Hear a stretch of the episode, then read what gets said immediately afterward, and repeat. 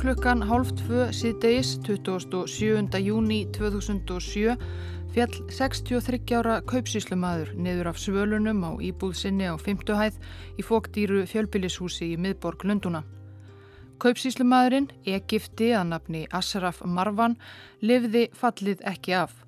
Viðskiptafélagar hans og starfsmenn sem byðu yfirmanns síns í næsta húsi sá hann falla og ringdu á sjúkrabíl en þegar hann kom á vettvang var það um seinan. Hann hafi lendi miðju rósabeðinu í gardinum fyrir utan húsið. Asraf Marvan var auðugur maður, miljardamæringur, þó það væri ekki ljóst nákvæmlega hvernig hann hefði orðið svona auðugur. Hann hafði að minnstakosti fengist eitthvað við vopnasölu Hann þekkti og umgegst marga af umdeldustu auðjöfrum Lunduna. Um tíma hafði hann átt vænan hlut í fótbolltaliðinu Chelsea. Dauði hans vakti þó ekki mikla aðtegli. Það var enda annað að skei í Lundunum þennan dag. Tony Blair sagði af sér formlega sem leðtogi breska verkamannaflokksins og forsætisráð þeirra Breitlands. Auðjöfur sem fjall af svölum fekk því ekki nema örlítið pláss í fjölmiðlum dagsins. Jáfnvel þó það væri ekki alveg ljóst hvernig fallið hefði búrið að. Var það slis, svifti hann sig lífi eða var honum eftir vilt ítt? En í heimalandi Asrafs Marvan vakti döði hans talsvert meiri aðtegli.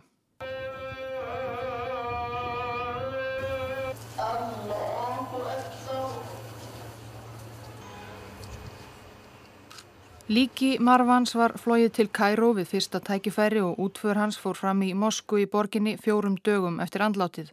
Æðsti klerkur Egipta leti aðtöfnina. Mörg hundruð manns fylgtu Moskuna og meðal sirkjanda var fjöldi fyrirmenna ári egipsku samfélagi meðal annars Gamal og Ala, sínir fósettans og einræðisherrans Hosni Mubarak. Því Asraf Marwan var ekki bara einhver venjulegur auðmaður. Hann átti að baki áratuga feril sem hátt settur ofinber starfsmæður í Egiptalandi og það sem meira var, hann var tengdasónur landsföðursins Gamals Abdul Nasser. Næst elsta dóttir hans, Móna Nasser, var gift Marwan í áratugi. Í útförunni vottuðu Múbaraks sinir og önnur fyrirmenni ekkjunni sína innilegustu einlægu samúð að þessi diggi svonur Egiptalands væri fallin svo sviplega frá, kvílikur harmur.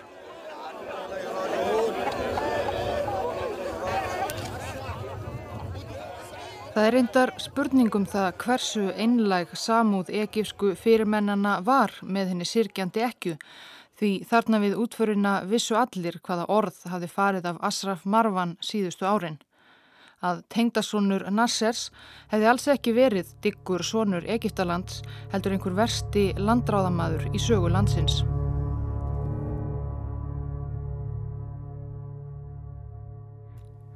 Herfóringjar stiftu konungi Egiptalands og tóku völdin í ein hendur 1952. Ótvíraður leittói Valdaránsmanna var 34 ára sonur postústjóra Gamal Abdul Nasser þó reyndar yrði hann ekki forseti Egiptalands formlega fyrir 1956 og með tímanum varðan einnig að eins konar andlegum leittóga stórs hluta Arabaheimsins.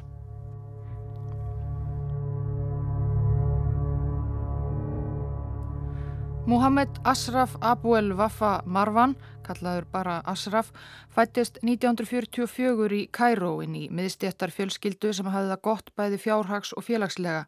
Fadir hans var herfóringi, hann tengdist ekki ungu herfóringunum sem tóku völdin þegar Asraf var 8 ára sérstaklega en myndaði við þá tengsl eftir á og naut góð saf.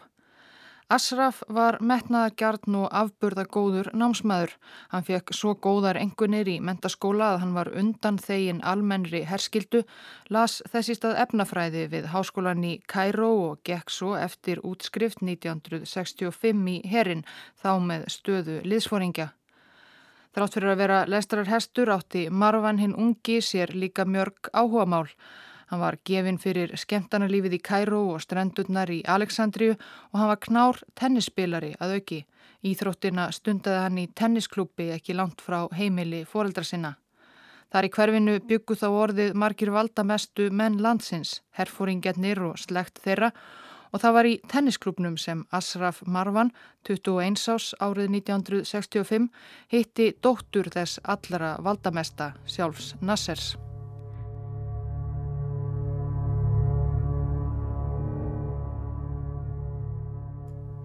Móna Nasser, næst elsta barn Nasser hjónana og eftir elstu dótturinni Hótu var þá átján, þremur árum yngri en Asraf Marwan. Þráttur að vera dóttir leittóhans mikla var hún ekki alin upp við sérstakar listisendir. Eftir að Nasser varð fórsiti bjó fjölskyldan samt áfram í sama húsi og þau hefðu gert alla tíð í sama miðstjættarkverfi og Marwan. Nasser var allatíð á frekar hóflegum ennbætismannalaunum og nýtti sér ekki vald sitt til að hagnast personulega. Ég vil þó að um það byl allir aðrir í kringumann, samverka og undirmenn hafi gert það af miklu móð. Börnin nutu heldur ekki góð saf. Móna til dæmis var ekki mikill námshestur og hafði ekki fengið nú góðar engunir til að komast inn í stjórnmálafræði í Kæróháskóla eins og hana fýsti.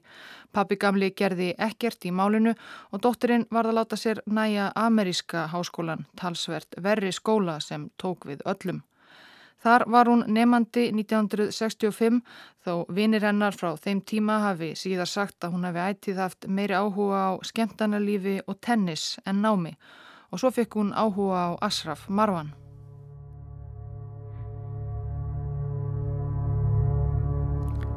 Móna varð ástfangin undir eins og ekki löngu eftir að þau kynntust á tennisvellinum og fóru að stinga saman nefjum, lísti hún því yfir við föður sinn að hún hefði huga á að giftast Marvan.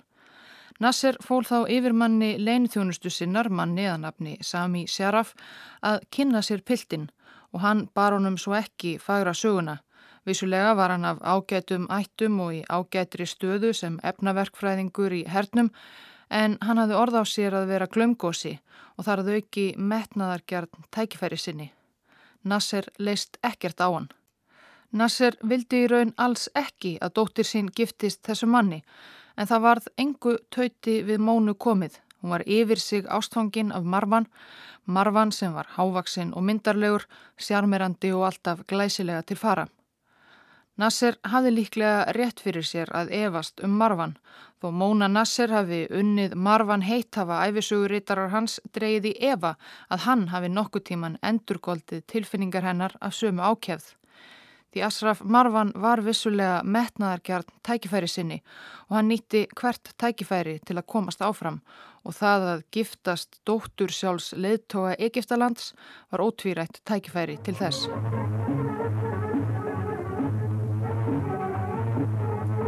Brúðkursveisla Mónu Nasser og Asraf Marwan fór fram í júli 1966 á heimili Nasser fjölskyldunar. Þetta var eitthvað glæsilegasta parti sem haldið hafi verið í Kæró frá dögum konungsveldisins.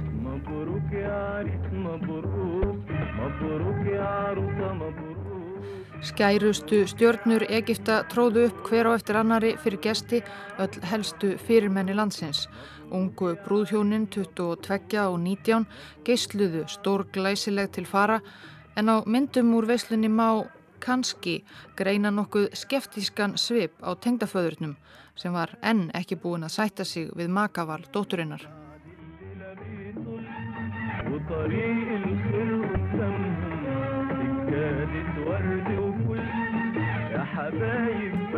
Í brúðgjóðskjöf gaf Nasser dóttur sinni og tengda sinni litla íbúð í Kæró.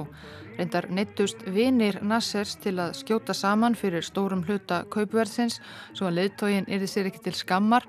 Hann hafði ekki fylst sérlega vel með fastegnaverði í Kæró og á sínum hófsumu launum átti hann sjálfur alls ekki fyrir íbúðum handa tveimur dæturum sem giftu sig um svipað leiti.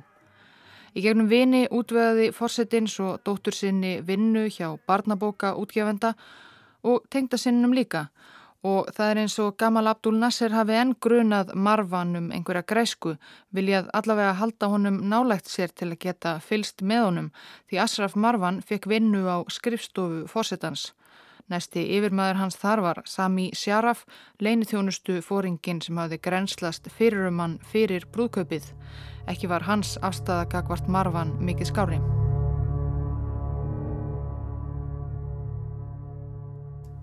Ef við segjum sem svo, eins og margir telja satt, að Asraf Marwan hefði gert sér vonir um það að með því að giftast dóttur Nassers myndi hann hendast, svo að segja, í einum rikk upp í hæstu hæðir ekifsk samfélags, fá auðæfi og völd og virðingu og allt tilheyrandi upp í hendurnar, þá var þann fyrir miklum vonbreyðum.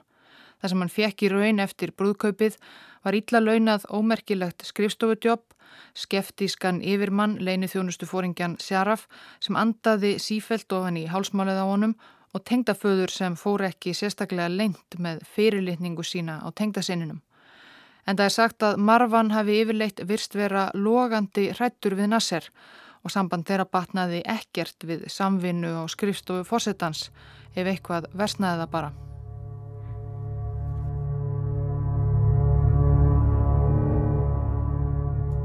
Það er kannski ekki að undra að Marvan hafi viljað flýja. Árið 1968 eftir tvö tíðindalítil hjónabandsár sótti Marvan um leifi vinnveitenda síns og tengdaföðurs að fara í framhaldsnámi efnafræði til Breitlands. Síðla árs fluttu svo hjónin Asraf og Móna Marvan frá Kæró til Lunduna.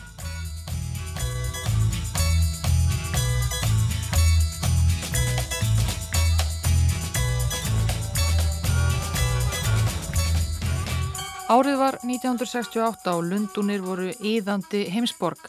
Asraf fór í skólan og fekk þar að auki hlutastarf á Egífska sendiráðinu. Móna var heima með þeirra fyrsta barn, drengin Gamal, sem var auðvitað nefndur eftir móðurafa sínum. Þó það væri nóg að gera reyndist innum skemtanaglada Asraf erfitt að standast freystingar Lunduna. Von Bráðar var hann orðin tíður gestur í spilavítum og klúpum þar sem hann var þó aldrei sérlega sigursæl. Hann reyndar tapaði háum fjárhæðum og var búinn að steipa sér í skuldir ekki löngu eftir komuna til Lunduna. Og ekki leið á löngu þar til litla fjölskyldan gæti rétt svo haldið sér á floti bara í gegnum vinskap þeirra við kúveiskan prins og konu hans, hjón sem voru búsett í Lundunum og syndu í ólíuseðlum og fannst agalegt að dóttir sjálfs mikil mennis Arabahimsins Nassers dyrti að glýma við heiminháar spilavítiskuldir og borguðu þeir þess vegna jafnóðum og Marvan stopnaði til þeirra. Þegar Nasser frétti af þessu var hann stór neykslaður að spila fíkn tengdasónarins gerði það verkum að dóttir hans væri komin upp á einhvern ólíufursta. Hann kallaði Asraf heim, heldi sér yfir hann og heimtaði svo af dóttur sinni að hún skildi við þennan ónýtjung. En þrátt fyrir að það hefði verið hart í ári í Lundunum var hún enni jafn ástfangin og hún neytaði að skilja. Að lokum var samið um að fjölskyldan snýri heim en Asraf fengi að fara til Lunduna reglulega til að þreita próf og klára námið.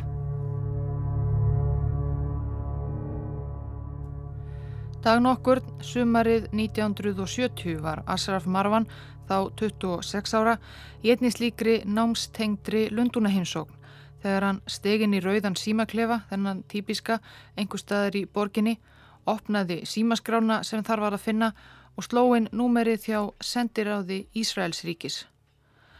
Þegar var svarað saði hann til naps og bað fyrir skilaboð til her eða leini þjónustu fulltrúa sendiráðsins. Hann, Asraf Marvan, var að bjóða Ísraelum þjónustu sína. Gýðingaríkið Ísrael var granni Egeftalands til austurs og höfuð óvinnur. Ríkinu höfðu háð meira en eitt stríð Það var í raun enn stríðs ástand á milli þeirra þarna 1970. Tengdasónur Nassers Egiptalands fórseta var að leggja grunninn að einhverju alvarlegustu landráðum í sögu Egiptalands. Hvers vegna? Marvan tjáði sig aldrei um það sjálfur. Við getum bara getið okkur til um það. Kanski vegna þess að Marvan fannst hann hlunfarinn um völd og auðæfi sem hann hafði ætlast til að fá hataði tengdaföður sinn svo mjög að hann var reyðubúin til að ekki bara svíkjan heldur leggja hans hataðasta andstæðingi Ísraelsríki lið. Ísraelski æfisugurittarinn Úri Bar Jósef hefur þar að auki spekuleraði í því að Marvan hafi verið knúin af einhverju þörf að vera í liði með sigurvegurunum. Nokkrum árum áður hafðu Ísraelar sigrað Egiptaland og fleiri Araparíki öruglega í sextagastriðinu 1967. Ísrael hafði ekki bara niðurlegt hinn stolta ekifska herr, heldur lagt undir sig stóran hluta landsins, allan sína í skagan. Og kannski var það bara spenna. Asraf Marvan var jú svo hrifin af æsandi fjárhættuspili og kannski hafa landráð og njóstnir heitlaðan á svipaðan hátt.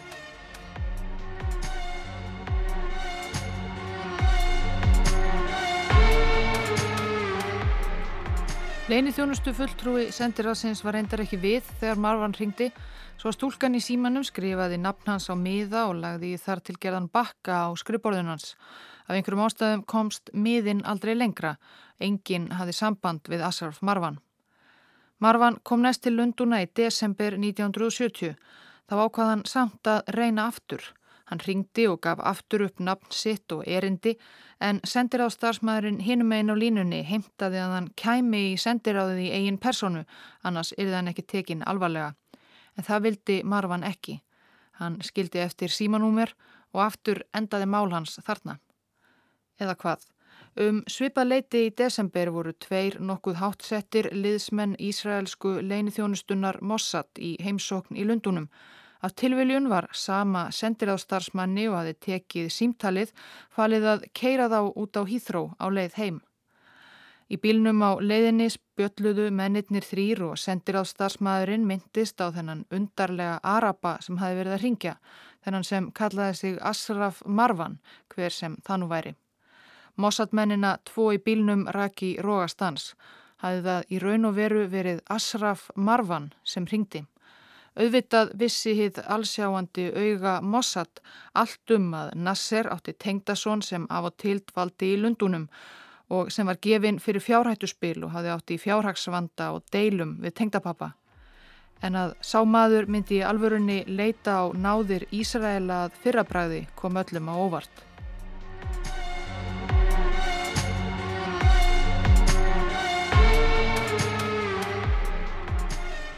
Þarna hafði reyndar staða Marvans breyst nokkuð.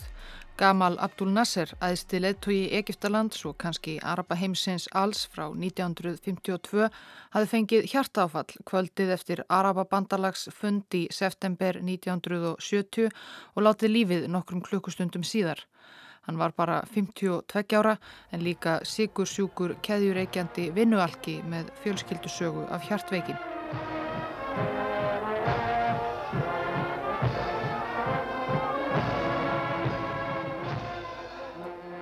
Dauði Nassers var Egiptum og aðdáðendum hans um allan heim reyðarslag, miljónir sirkjanda streymtu út á götur Kæró en Asraf Marwan verðist ekki hafa grátið tengdapappa sérstaklega.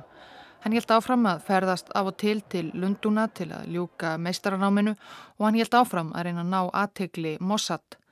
Sem loks bar árangur eftir örlagaríkan bíltúr Mossad mannana út á Hýþróm Leinu þjónustu mennir frestuðu samstundis brottförsinni frá lundunum og snýru við. Það varð að grýpa þessa gæs. Venjan er með njóstnara eða uppljóstrara af þessu tægi að þeim sé útlutað af leini þjónustunni sem þeir skipta við eins konar umsjónarmanni sem þeir eiga svo mest samskipti við. Það er kallað handler á ensku og þykir mikilvægur hluti þess að byggja upp tröst millir njóstnarans og erlendu leini þjónustunar. Leini þjónustumadurinn og rittöfundurinn John Le Carre lísti því eitt sinn þannig að umsjónamadur ætti að vera skjólstæðingi sínum allt í senn, lærifaðir, foreldri og vinur, stóð, hjónabandsráðgjafi, skemmtikraftur og verndari. Það gafst lítill tími til að finna slíkan umsjónarmann fyrir Asraf Marwan. Mossad vildi koma á fundi sem fyrst til að Marwan slippi ekki úr greipum þeirra.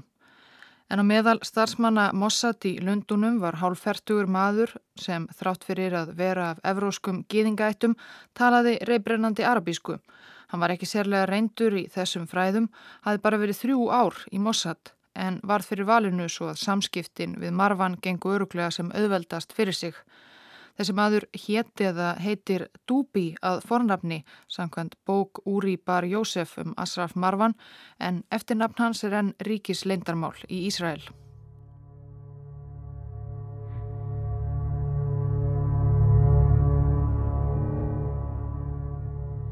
Marwan og Dúbi þessi hittust svo á hótelin okkru í Lundunum örfáum dögum síðar í desember 1970. Dúbi hefði stúderað ljósmyndir úr brúðkaupi Marvans og Mónu og þekkti hann um leið þegar hann gekk inn í hótellobbyið með svarta skjálatösku. Þegar þeir fluttu sig upp á hótelherbergi virtist Marvan mikið í mun að sanna sig, talaði fjálglega um sjálfan sig, tengsl sín við Nasser og stöðu sína í ekifska stjórnkerfinum. Mossad menn, Dúbi þar á meðal, voru enn nokkuð skeftískir Það var óvinnulegt að þegnar óvinna þjóðar gengju bara inn af götunni eða ringdu í almennt símanúmer sendir á það til að falbjóða háleinileg ríkisleindarmál. Það var skiljanlegt að þeir óttuðust að Marvan gæti verið að reyna að gerast gagnnjósnari eða afvega leiða Mossad og Ísrael á einhvern hátt. En þegar Marvan opnaði svörtu skjálatöskuna erðu Dúbi og annar Mossad maður sem var með á fundinum ansi samfærður um að Marvan væri þarna í fylstu alvöru Á nokkrum handskrifuðum blaðsíðum sem hann dró upp úr töskunni var að finna alla uppbyggingu og allt skipulag ekifska hersins eins og hann lagði sig, sveitir og deildir, fjölda skriðdrega og hertóla, nöfn, herfóringja, bækistöðvar og svo framvegis. Ómetanlegar upplýsingar fyrir Ísraelsher sem átti enni volgu stríði við Egipta og Sínæskaga og taldi sig þess vegna geta átt vona á innrás úr vestri hvenar sem var. أن أحترم الدستور والقانون وأن أرعى مصالح الشعب وسلامة أراضي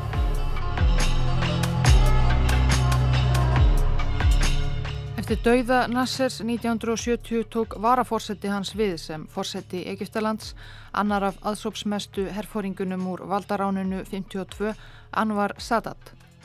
Eftir að hafa tekið við ennbætti hófst Sadat handa við að tryggja sér í sessi. Á næstu misserum losaði hann sig við marga andstæðinga úr háum ennbættum, aðra herfóringja, gallharða Nasser sinna sem voru honum ekki hodlir og hann raðaði inn sínum mönnum í staðin. Einn af mörgum sviftingum þá var að Asraf Marwan, tengdasonur Nassers sáluga sem hafi verið í ómerkilegu skriffinsku djópi á skrifstofu fórsetans á sínum tíma, var skipaður í nýtt ennbætti. Hann var gerður að yfirmanni skrifstofunar.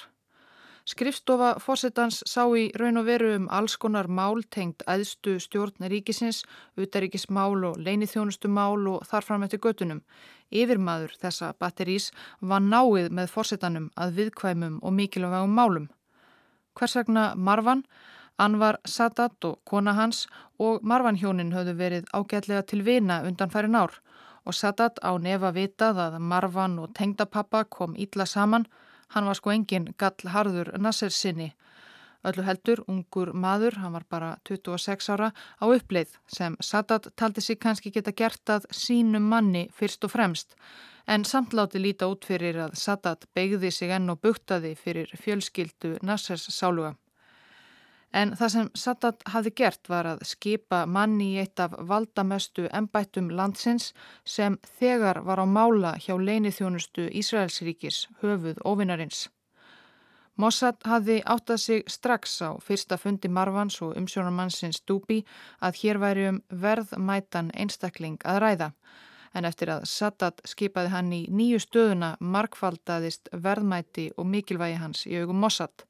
Ísraels ríki var komið með sinn mann á allra æðsta stað í Egistalandi.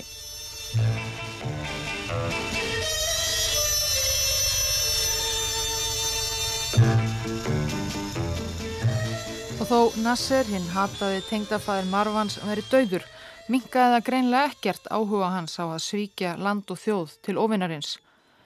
Asraf Marvan var útlutað dölnefninu Engillin í innanhússkjölum Mossads Það var bara vegna þess að einhver skrifstofupjessi sem sáum að búa til slík nöfn hafi verið að horfa á Roger Moore sjónvarsþættina Dýrlingurinn sem á hebreusku hafi fengið nafnið Engillin. En Engillin átti líklega eftir að reynast réttnefni allavega í augum Ísraela.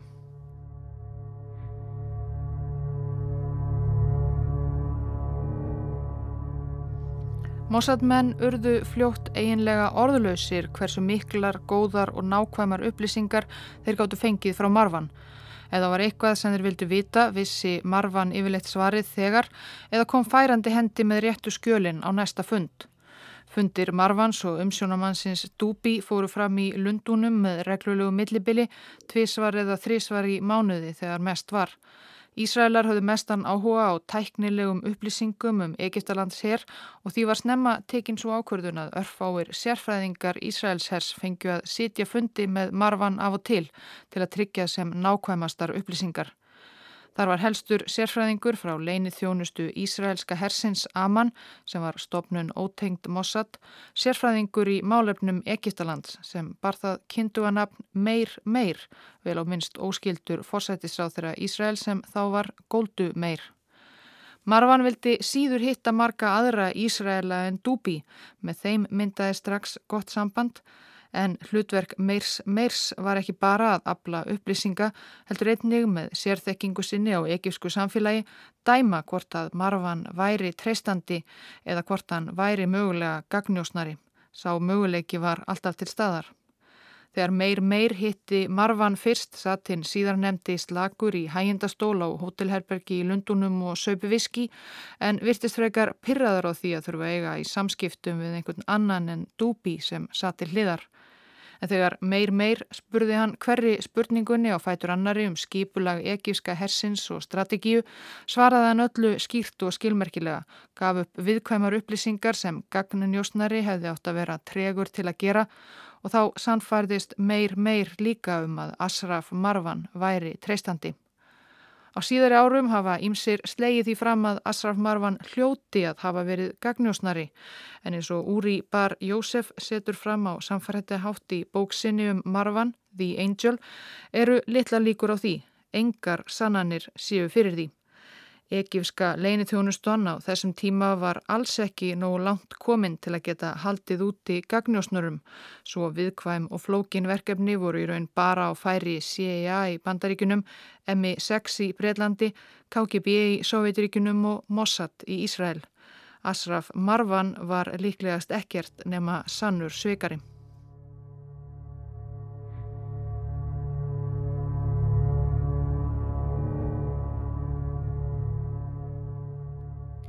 Upplýsingarnar sem komum frá Marvan á fyrstu árum 8. áratugurins voru svo verðmættar og svo viðkvæmar að aðeins örfáir innan Ísraels fengu að fá nasasjón af þeim. Skýrslur um vitnisspurði Engilsins fóru í gegnum umsjónamannin Dubi þaðan beint til aðsta yfirmanns Mossads, Svi Samir, sem lísti Marvan síðar sem besta uppljóstrara sem Mossad hefði nokkuð tíman haft og svo loks á borð Goldu Meir fórsætisráþeira og varnarmálaráþeirans Mósi Dæjan. Upplýsingar frá Marvan kom til umræðu á eldhúsfundum Goldu Meir. Hún kallaði reglulega til óformlegra ríkistjórnarfunda í eldhúsinu heima hjá sér, þángar sem einungis komu hennar tryggustu ráþeirar og undirmenn. Upplýsingarnar sem Marvan let Ísraelum í té bárust auðvitað víðar en ekki fyrir henn var búið að ummorða allt vandlega og dilja uppruna upplýsingarna sem allra fæstir áttu að fá að vita nokkuð um engilinn.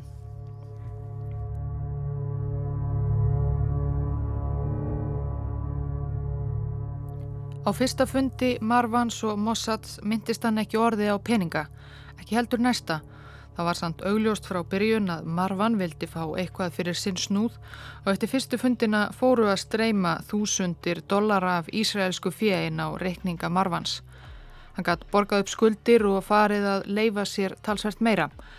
Það kom þó eflaust fáum og óvart heima í Egistalandi að Marvan hjónin virtust allt í einu hafa miklu meiri peninga millir handana. Marvan var þá jú komin í valda mikla stöðum og menn í slíkum stöðum áttu það gerðnan til í Egistalandi að auðgast mikið og hratt á ill skýranlegan hátt. Nú var rekklausi meinleitamadurinn Nasser ekki heldur að fylgjast með honum Eflaust heldu því flestir í kringum Asraf Marvan að hann væri bara spiltur eins og allir, ekki landráðamadur.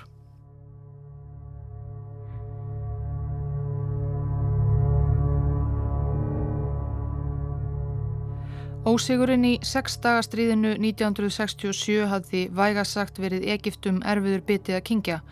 Hlustendum er benta á að um aðdraganda sexdaga stríðsins og atbyrðarás hefur áður verið fjallað í sérstökum þætti í ljósi sögunar.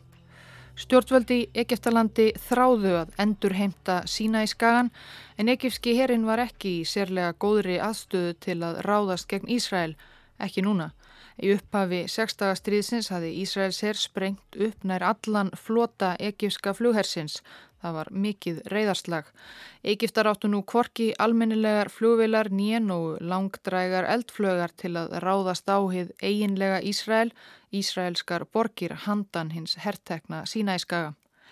En eins og Marvan fór að lýsa í laungumáli á fundum sínum með umsjónamanninum Dubi og Meir Meir í Lundunum hafði Sadat fórseti allan huga á því að breyta þessari stöðu. Hann hafði leitað ítrekkað til sovjetmanna, helstu bandamanna Egipta á þessum tíma, um að selja þeim orustuþóttur og langdrægar eldflögar. En þó sovjetmenn styrtu egipska herin á Ímsanhátt voru þeir treyir til þess og neituðu ítrekkað. Ekki voru Egiptar að fara að kaupa orustu þóttur af bandaríkunum og frakkar hafðu bannað vopnasölu til stríðandi fylkinga fyrir botni miðararhafs eftir stríðið 67 svo að franskar Míras þóttur voru heldur ekki í bóði. Ísrael vissi vel af þessum. Þeir vissu að Egiptar væru í stríðsug og hefðu gert nákvæmar áætlanir um árás á skagan yfir Súeskurðin sem Marvan hafi fært þeim en áallanir sem væru án réttu orustu fljóvelanna og eldflögana afar óraunhæfar. Ísraelar urðu fullvissir um að Egiptar myndu ekki gera árás fyrir þeir hefðu rétta búnaðinn. Landið þyrti því ekkert að óttast ennum sinn, bara fylgjast náið með hernaðar uppbyggingu grannana með digri hjálp Asras Marvans. En kannski varð trú Ísraelskra ráðamanna á þessa kenningu þó aðeins of sterk.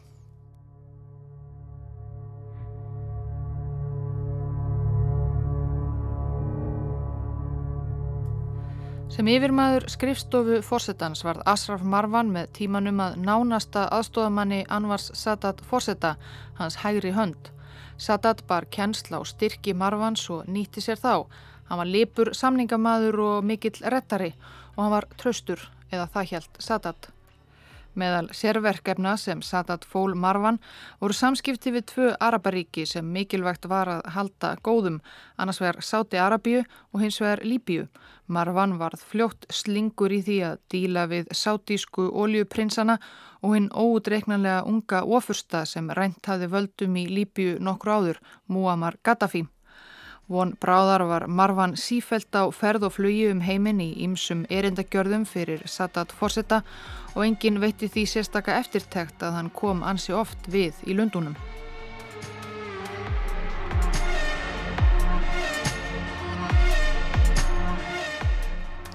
Skömmu eftir hátegi 21. februar 1971 var Boeing 727 þóta líbíska ríkisflugfélagsins á flugi frá líbísku borgunni Benghazi til Cairo þegar á flugi yfir Egiptalandi hún sveiði af leið og flög inn í lofthelgi sína í skaga þar sem öll umferð borgarlegra flugvela hafi verið bönnuð síðan í sextagastriðinu.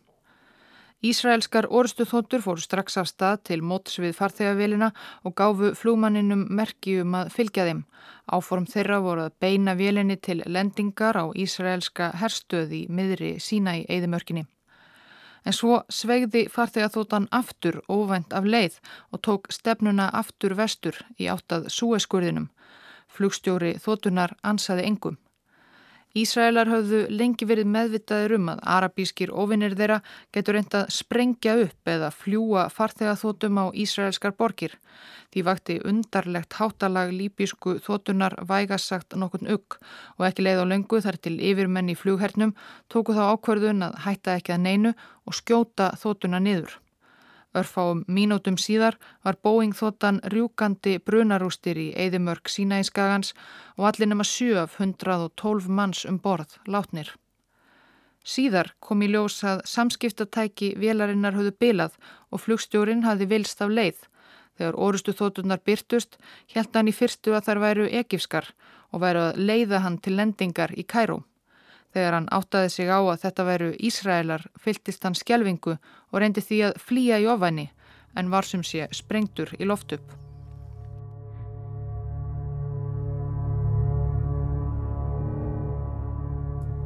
Þessi aðgerð Ísraela var fordæmdum heim allan en hvergi var reyðin eins mikil og í Líbíu. Líbíski einræðisherran Muammar Gaddafi var rasandi Ísrael hafði ráðist tilefnis og fyrirvara löst á saklausa líbíska borgara. Hann ringdi í Anvar Sadat, Egiptalands fórseta, bálreiður til að ræða hemdaraðgerðir. Gaddafi stakk upp á því að senda líbískar orustu þóttur á Ísraelsku hafnaborgina Haifa. Sadat hard neytaði, það væri óðsmanns æði og myndi skemma fyrir hans eigin áformum um árás á Ísrael sem voru alltaf að verða ítarlegri og áþreifanlegri þrátt fyrir vandamálin með vopnaöflun. En Sadat reyndist nær ógerlegt að róa Gaddafi og líbísku þjóðina, múur mótmælti fyrir utan ekifsku sendiskrifstofuna í Benghazi.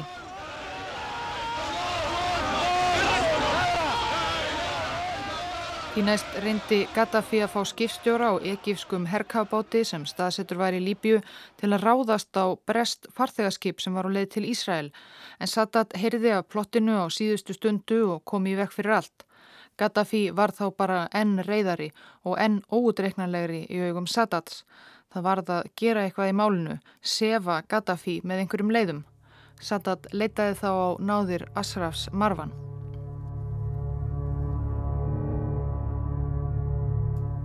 Sumarið 1973 settist Marvan niður með Gaddafi og þeir fóru að skipulegja ásættanlega hemdaraðgerð. Gaddafi fannst við hæfi að granta Ísraelskri farþegaflúvel auga fyrir auga. Ákveði var að skjóta niður Boeing 747 þóttu Ísraelska ríkisflugfélagsins El Al skömmu eftir flugtak frá Fiumicino flugvellinum í Róm. Líbíumenn höfðu góð sambönd á Ítalju hjá sínum gömlu nýlenduherrum og það var allræmt hversu lítil öryggiskeisla var á Fiumicino. Egiptar í gegnum Marvan tóku að sér að retta sovjeskum loftvarna eldflögum og teikningum af flúallarsvæðinu. Palestínsku hriðuverkasamtökin Svarti September voru svo fenginn til verksins. Liðsmenn þeirra voru í æfingu við að myrða saklausa Ísraela þegar þau drepið 11 ísraelska íþróttamenn á olimpíuleikunum í Munhjön sumarið áður. Í lok ágúst 73 komu fimm palestínskir hriðiverkamenn til Rómar Nokkrum dögum síðar kom til borgarinnar Móna Marvan sem hafi verið á leið til Lundúna en fengið bóð frá manni sínum um að hitta hann í Róm. Hún var með pakka meðferðis í diplomatapoka sem henni hafi verið afhend á skrifstofu Sadats fórseta. Gorki hún nýja fljóallastarsmenn á Fiumicino kerðu sig um hvað væri í diplomatapokanum en það voru tvær sovjaskar strela eldflögar með skotbúnaði. Degi síðar mælti Asraf Marvan með eldflögarnar meðferðis sér mót við palestínumennina af einhverjum ástöðum í fítni skóbúð við hérna frægu Rómargötu via Veneto. Þá komu í ljós smá nökrar á þessu annars vel hefnaða plotti. Palestínumennir höfðu ekki útvegað sér bíl til að flytja eldflögarnar í íbúðina sem þeir höfðu tekið á leigu skamt frá flúvellinum. Nei, það var svo sem ekki það mikið vandamál. Þeir fundu teppabúð nokkru neðar í gödunni og keftu þar nokkur teppi. Svo földu þeir eldflögarnar inni í upprúluðum teppunum og báruðu þau á aukslunum niður í neðanjarðarlestina.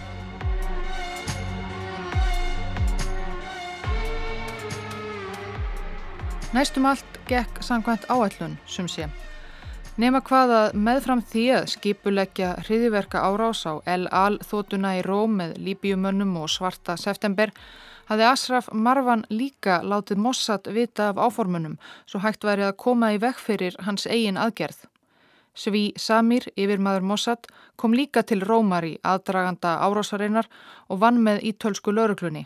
Mossad menn fyldust með hverju skrefi plottarana, fyldust með fundinum í skóbúðinni og eldu palestínumennina með teppin í neðanjarðarlestinni. Svo að morgunin 8. september, daginn sem 747 þóta L.A. látti að fljúa frá Róm til Tel Aviv, reðst ítalst laurugluleiðin í íbúð palestínumannana, gerði eldflögarnar í teppunum upptækar og hann tók þá allam. Fljúvilin komst leiðarsinnar síðar um daginn eins og ekki að teði í skorist. Asraf Marvan hafði samtímis lagt á ráðinn um hriðiverka árás og komið í vekk fyrir hana. Það var í raun og veru stórsniðu fletta því Anwar Sadat, vinnuveitandi hans ofinberlega, hafði heldur ekki verið sérstaklega hrifin að því að láta skjóta niður Ísraelska farþegaflúvil, ekki frekar en að sökka ferju eða gera sprengju árás á hæfa. Það væri allt of drastísk aðgerð. Hann var því hæst ánæður þegar aðgerðin fór út um þúfur og hann hefur eflaust talið að hinn tryggi marfan hafi eftir allt samanlátið ítölsku laurugluna vita af áformunum laumulega, stór sniðugt hefur Sadat kannski hugsað, sjúk. Hann grunaði eflaust alls ekki að í stað þess hafði marfan verið í sambandi við Ísraela allan tíman. En Marwan fekk einmitt að launum ágætan bónus frá Mossad en einu sinni hafði hann sannað hotlustu sína.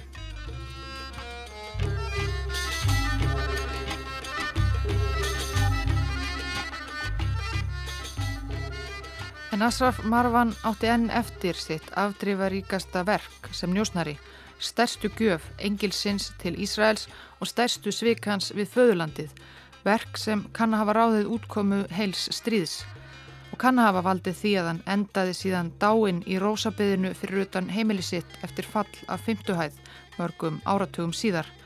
En um allt það saman verður fjallað í næsta þættin.